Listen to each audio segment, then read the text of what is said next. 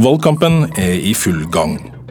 Om tre uker skal vi som har stemmerett i Norge, avgjøre hvem som skal sitte på Stortinget og bestemme over oss de fire neste årene. Men også sterke krefter uten stemmerett kan forsøke å påvirke valget. Vi er blitt orientert fra PST om at Arbeiderpartiets stortingsgruppe har vært utsatt for et forsøk på digitalt angrep. Dette skal være fra en aktør som PST knytter til fremmed etterretning.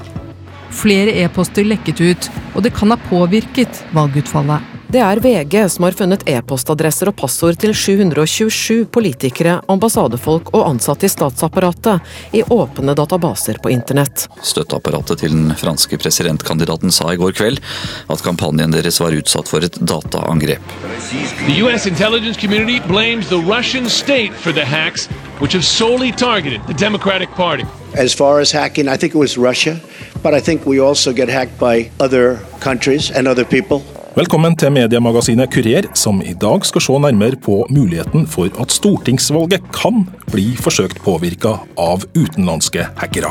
Jeg heter Lars Erik Ertsgaard Ringen. Vi lever i ei digital tid der det meste kan gjøres online. Men fremdeles må vi faktisk fysisk gå til stemmelokalene for å gjøre vår borgerplikt. Kommunal- og moderniseringsminister Jan Tore Sanner forklarer hvorfor vi ikke kan stemme hjemmefra. Det var forsøk med internettavstemning. Det forsøket har vi avviklet. Vi mener at internettavstemning er for, for usikkert. Det er for lett å, å, påvirke. Valg er viktig, valg er alvorlig. Det er en av de demokratiske både rettighetene og pliktene vi, vi har. Og da er jeg opptatt av, og et flertall på Stortinget opptatt av, at da skal det være i skikkelige former. Vi har etter hvert blitt vant med mistanken om at demokratiske valg i Vesten blir forsøkt påvirka av fremmede makter.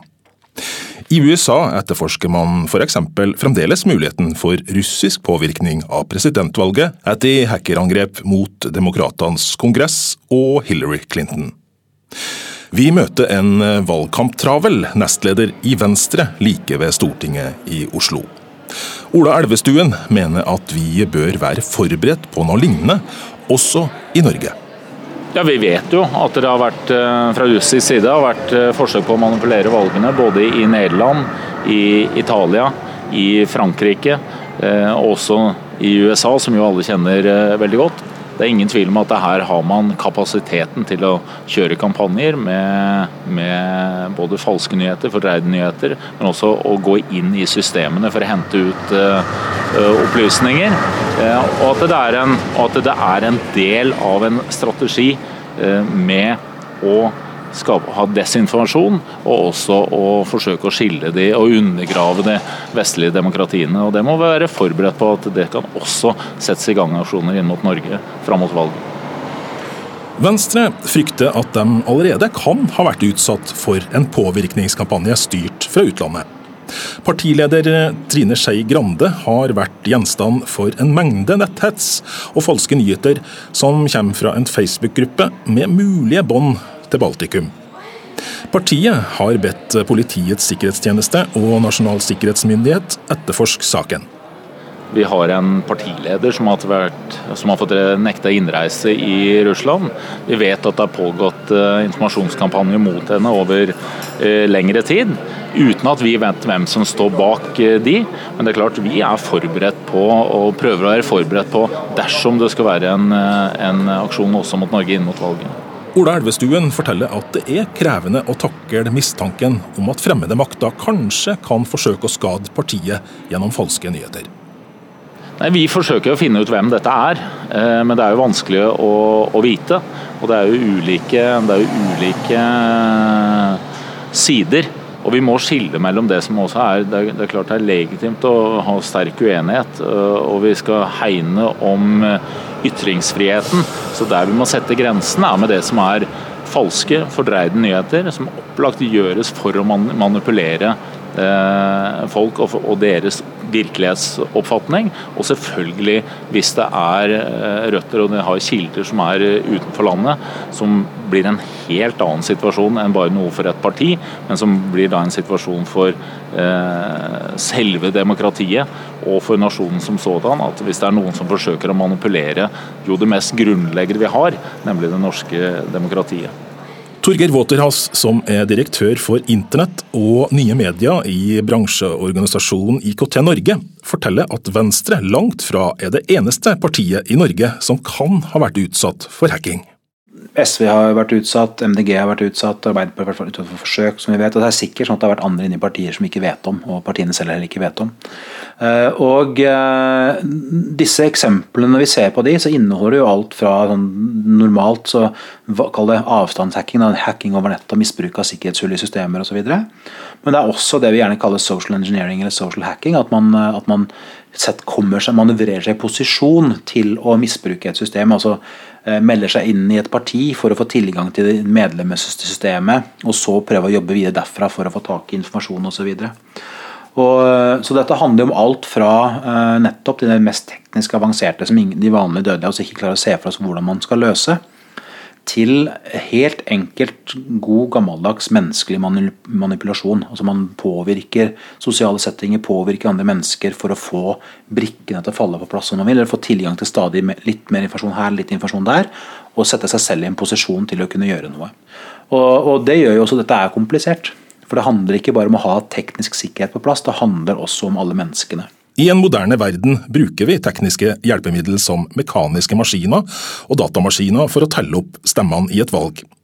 Det gir en teoretisk mulighet for at hackere kan påvirke et valg direkte. Nei, altså det har jo, i, altså I Norge så vil jeg i utgangspunktet tro at risikoen for det er ganske liten. Eh, det er andre ting vi bør ha mer fokus på, eller trenger mer fokus på. Så lenge vi har nok fokus på dette i utgangspunktet. Et, I Norge er vi veldig opptatt av HMS, altså sikkerheten til deg og meg når vi er på arbeidsplassen. Mens IT-sikkerhet er vanskelig å selge inn. Det er vanskelig å få nok ressurser, og det er vanskelig å få nok, prioritert nok tid til det. Fordi det er jo egentlig noe som ikke synes, så det er så lett å fokusere på alt andre. Og Der har vi et stort stykke gjenstående arbeid i Norge. Så er det jo sånn at Noe av det som ble diskutert, og jeg er ikke kjent med, med, dokumentasjon i noen retning, men det ble jo diskutert en del i eh, et av de tidligere valgene i USA, altså valget mellom eh, George Bush og Al Gore at en del av valgautomatene skal ha vært tukla med. Eh, om det er riktig eller ikke, vet jeg ikke, men, men, men igjen så er det noe av utfordringen. altså den, De systemene man har laget, vil kunne tukles med, enten de er digitale eller, eller mekaniske, for den del.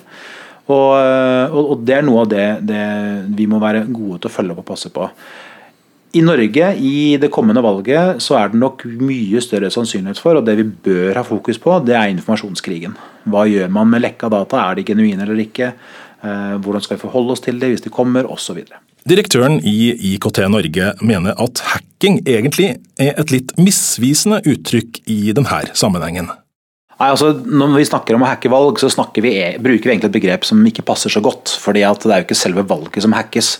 Det er klart at Der du har online-valg, og, og, hvis noen har fysisk tilgang til maskinene som brukes å telle, så kan selvsagt også det hackes. Men, men i debatten vi har i, Europa og, og, USA i dag om, å hacke valg, så snakker vi egentlig om å hacke noens system, informasjonssystemer, altså politiske partier eller, osv å stjele informasjon og, og, forvri den, eller forvrenge den, eller, eller, slippe den i porsjoner og på forskjellig vis for å påvirke valget. Tilsvarende så, så i dette så inngår gjerne også hvordan man jobber med falske profiler som deltar i diskusjoner og mener noe, eller for en del planting av falsk informasjon. for man kan, enten, Hvis man først hacker seg inn hos noen, så kan man jo også legge igjen informasjon som forvirrer de som bruker de systemene. Så, så, du kan både da putte informasjon inn for å villede, og du kan hente informasjon ut og bruke den, enten direkte som den er, særlig den, den kjipe delen som bare mente å ha internt, eller det vanskelige osv., som påvirker den offentlige debatten eller skaper vanskelige situasjoner for noen. Så er det veld, et veldig interessant element når man gjør det. og det er at du, Hvis du stjeler informasjon fra et norsk parti, så vil det jo alltid være sånn at mye av den informasjonen vil, bare, vil aldri kunne verifiseres av offentligheten. Men det vil også være informasjon der som offentligheten kan verifisere. Og Det vil jo da brukes til å bekrefte at hele dette slippet av data er et, et genuint slipp av data som er stjålet i sin helhet. Det er jo en genial måte å, plante falsk informasjon på. Hvis du har fått tak i data internt fra som, som, del, som, verifiseres nok til at man tror på at hele datasettet er stjålet, så vil den som har stått bak også da kunne plante falsk informasjon inni det datasettet, og dermed igjen påvirke i enda større grad enn man ellers ville hatt muligheten til. Og det var nettopp denne taktikken Frankrikes president Emmanuel Macron ble utsatt for da lekka internt materiale fra hans parti, iblanda falske nyheter, ble spredd på internett to dager før folket skulle velge mellom han og høyreradikale Marine Le Pen. Det ble jo da først offentliggjort på sosiale mediekontor tilhørende det ytre høyre i USA, og så ble det spredd videre via Marine Le Pen-sympatisører her i Frankrike. Eh, det store spørsmålet er selvfølgelig hvor, hvem som sto bak denne hackingen, eh, og det er ikke klart hva dette angår. Angmarch har tidligere beskyldt russiske grupper for å drive cyberangrep på dem. Eh, og Jeg har også sett Francois Aisbourg på Twitter, en av de fremste sikkerhetspolitiske forskerne i Frankrike, som sa at dette kunne minne om en klassisk klassisk russisk destabiliseringsprosjekt. Torgeir Waterhaus mener at vi bør forberede oss på at også valgkampen før stortingsvalget her hjemme om tre uker kan bli gjenstand for en informasjonskrig igangsatt av fremmede makter. Ja, Vi bør ta for gitt at ting skjer, også, men samtidig så skal vi stole på systemene våre. Vi skal stole på, på samfunnet vårt, og vi skal ikke bli, være paranoide. Vi skal for, vi skal ta for gitt at det, kommer, det, skjer noe. På samme måte som når vi beveger oss i trafikken, så tar vi for gitt at, det, at en ulykke kan skje. Hvis vi skal se på sannsynligheten for at en fremmed makt for eksempel, skulle forsøke å bruke disse metodene for å påvirke valgkampen og, og, og, velgerne, så er jeg veldig usikker. Jeg ser ikke bort ifra at det skjer. Jeg tror vel egentlig at det skjer, men jeg er veldig usikker på om, om det er på et nivå som gjør at man skal ende opp med å snakke om at valget ble påvirket uh, av fremmede makter.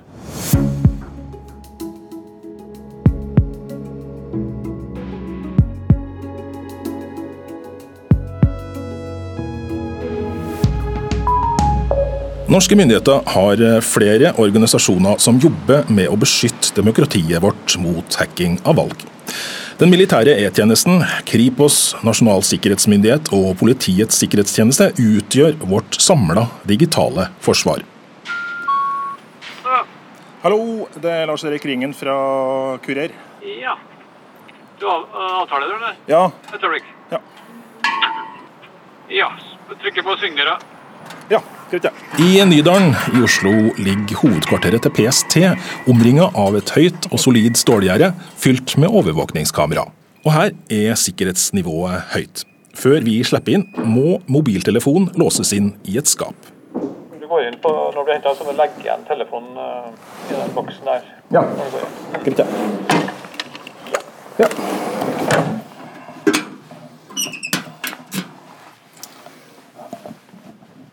Kurer er altså på besøk hos Politiets sikkerhetstjeneste for å snakke med Ane Roald, som leder en avdeling som bl.a.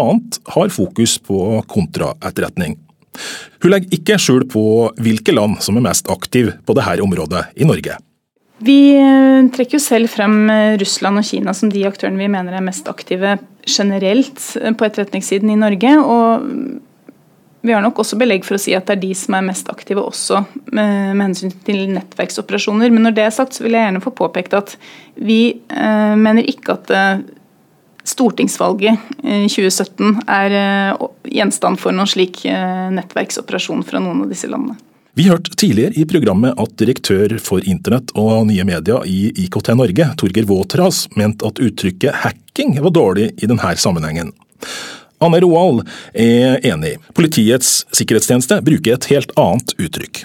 Ja, Vi bruker egentlig ikke ordet hacking i det hele tatt. Når du sier hacking, så vil nok den termen vi bruker eh, være nettverksoperasjoner. Og det ser vi på som bare én av mange, mange metoder en eh, fremmed stat, for det er jo det vi beskjeftiger oss med. Eh, en metode som en fremmed stat kan bruke for å skaffe seg informasjon, og dernest prøve å påvirke eh, aktører i Norge.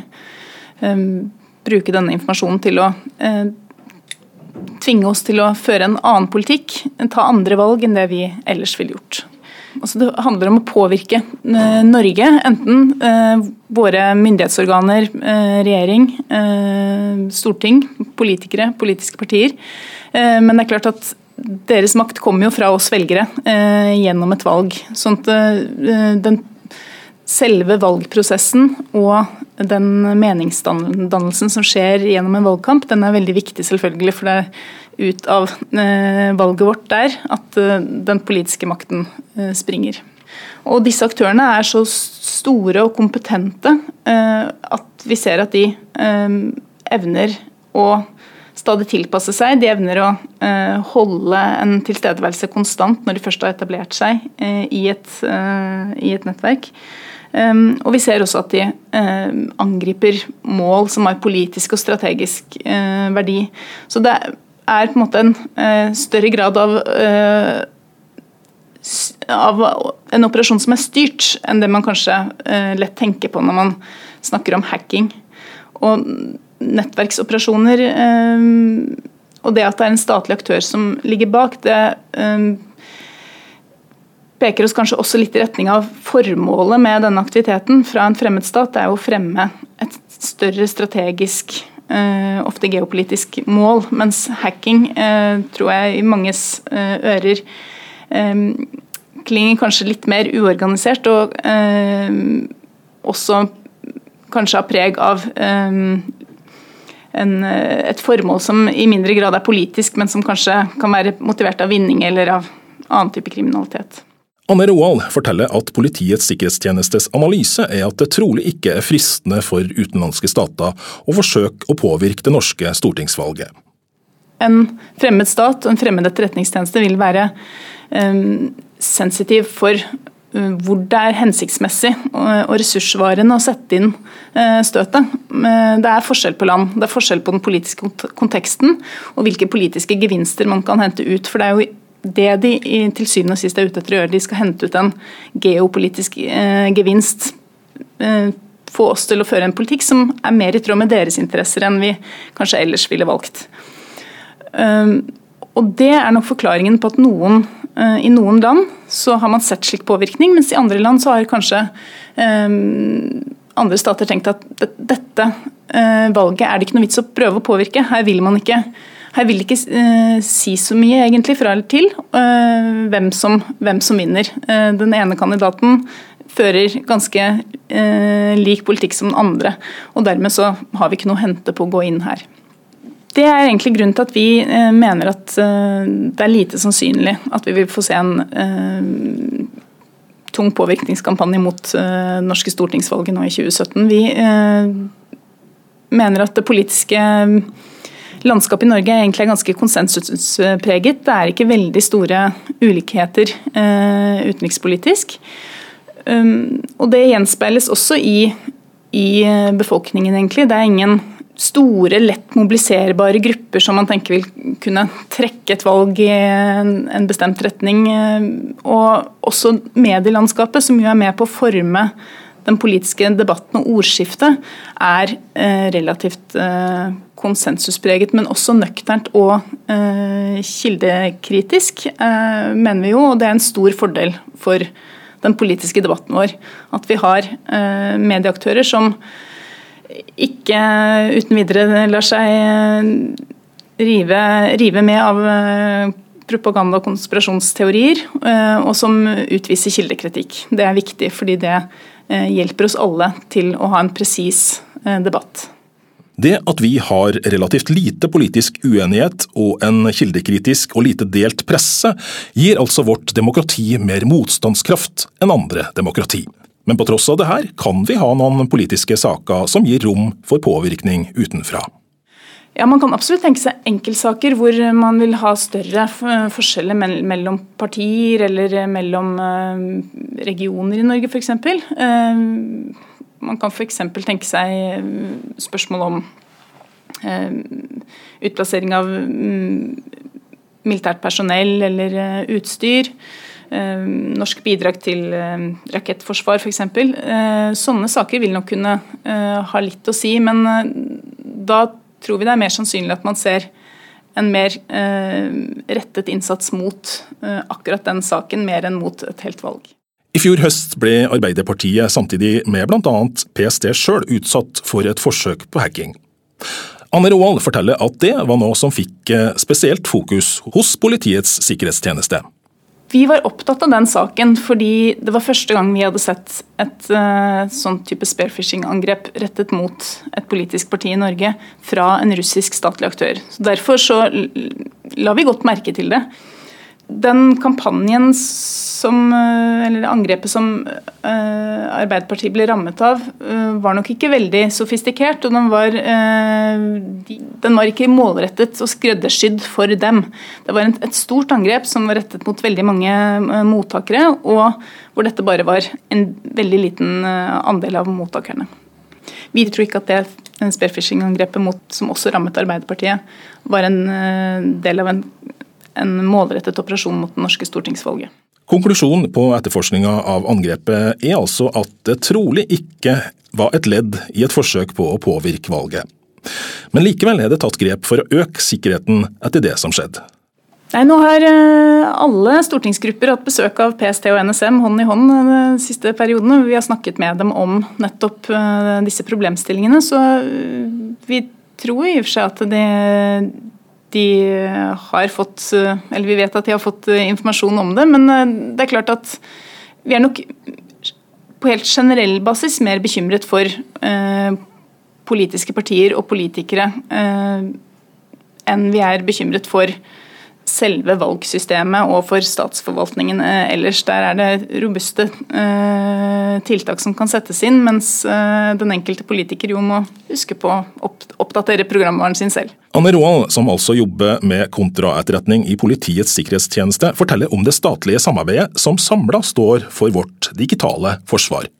Fra vår side i PST så samarbeider vi tett med både Etterretningstjenesten selvfølgelig, og også Nasjonal sikkerhetsmyndighet. Ehm, vi har vært ute og gitt råd til eh, politikere og Stortinget om, sammen med NSM ehm, om dette. og I tillegg så sitter jo både NSM, altså Nasjonal sikkerhetsmyndighet, og eh, Etterretningstjenesten, Kripos og PST sammen i et ganske nyopprettet eh, senter, et felles eh, cyberkoordineringssenter, hvor vi samarbeider nettopp om denne type nettverksoperasjoner, eh, som er noe vi alle har felles ansvar for å følge med på og motvirke. Og om det er noen som fra utsida vil forsøke å påvirke stortingsvalget, så er det du og jeg som er målene. Det er tross alt vi velgere som bestemmer. Derfor er direktør for internett og nye medier Torgeir Waterhouse i IKT Norge, nestleder Ola Elvestuen i Venstre og Ane Roald fra Politiets sikkerhetstjeneste enige om hva som er det aller beste våpenet mot påvirkning av valg. Kildekritikk er utrolig viktig, og det er jo også noe vi ser eh, som handler både om deg og meg. Det handler også om selvfølgelig om de tradisjonelle mediene og de som bidrar til å spre informasjon. At man er bevisst. Og så handler det også om at eh, som vi ser, det diskuteres og jobbes stadig med hva er det man kan gjøre med teknologi for å bidra til å hjelpe i håndteringen av kildekritikk. Men, eh, men kildekritikk kommer til, og er allerede for men kommer til å bli stadig viktigere. Kanskje en av de viktigste eh, kunnskapsfeltene eller kunnskapsområdene eh, for oss, både som individer, men også systematisk i samfunnet. I forskjellige sektorer og på forskjellige ansvarsområder. Det er å være kritisk generelt til det som er eh, altså, falske nyheter, fordreide nyheter. Eh, å være oppmerksom på at det kan være både krefter i Norge som ønsker å påvirke deg med uriktige opplysninger, men også at det kan være utenfra som ønsker å påvirke deg med, med uriktige opplysninger. Så det er å være kritisk og samtidig da søke kilder eh, som du stoler på at eh, du kan stole på. Eh, og der har jo også da mediene en egen og, og viktig rolle. Alle vi som forholder oss til eh, digitale rom og måte, den medievirkeligheten som eh, gror fram gjennom sosiale medier, eh, må jo være vi må være kilde, kildebevisste. fordi Det er vel kanskje den store forskjellen fra å konsumere nyheter gjennom etablerte mediehus. At da har du en redaksjon som utfører den kildekritikken for deg. Og Det har man ikke på samme måte eh, når man, hvis man bare får nyhetsinntaket sitt gjennom sosiale medier. Så Da er det veldig viktig at vi bruker, bruker huet, ikke tror på alt vi leser eller hører. For det er klart det, det kan jo måte det kan jo komme Slike operasjoner kan i og for seg komme også uh, på papir, så det er jo ikke det. Men uh, vi må bruke hodet vårt, uh, følge med, tenke sjøl og generelt være kritiske. Det tydelige rådet til oss velgere er altså vær kildekritisk i valgkampen. Om du har tips eller reaksjoner til oss i Kurer, så finner du oss på Twitter. Dette programmet var produsert av Anna Iversen, og jeg heter Lars Erik Ertsgaard Ringen.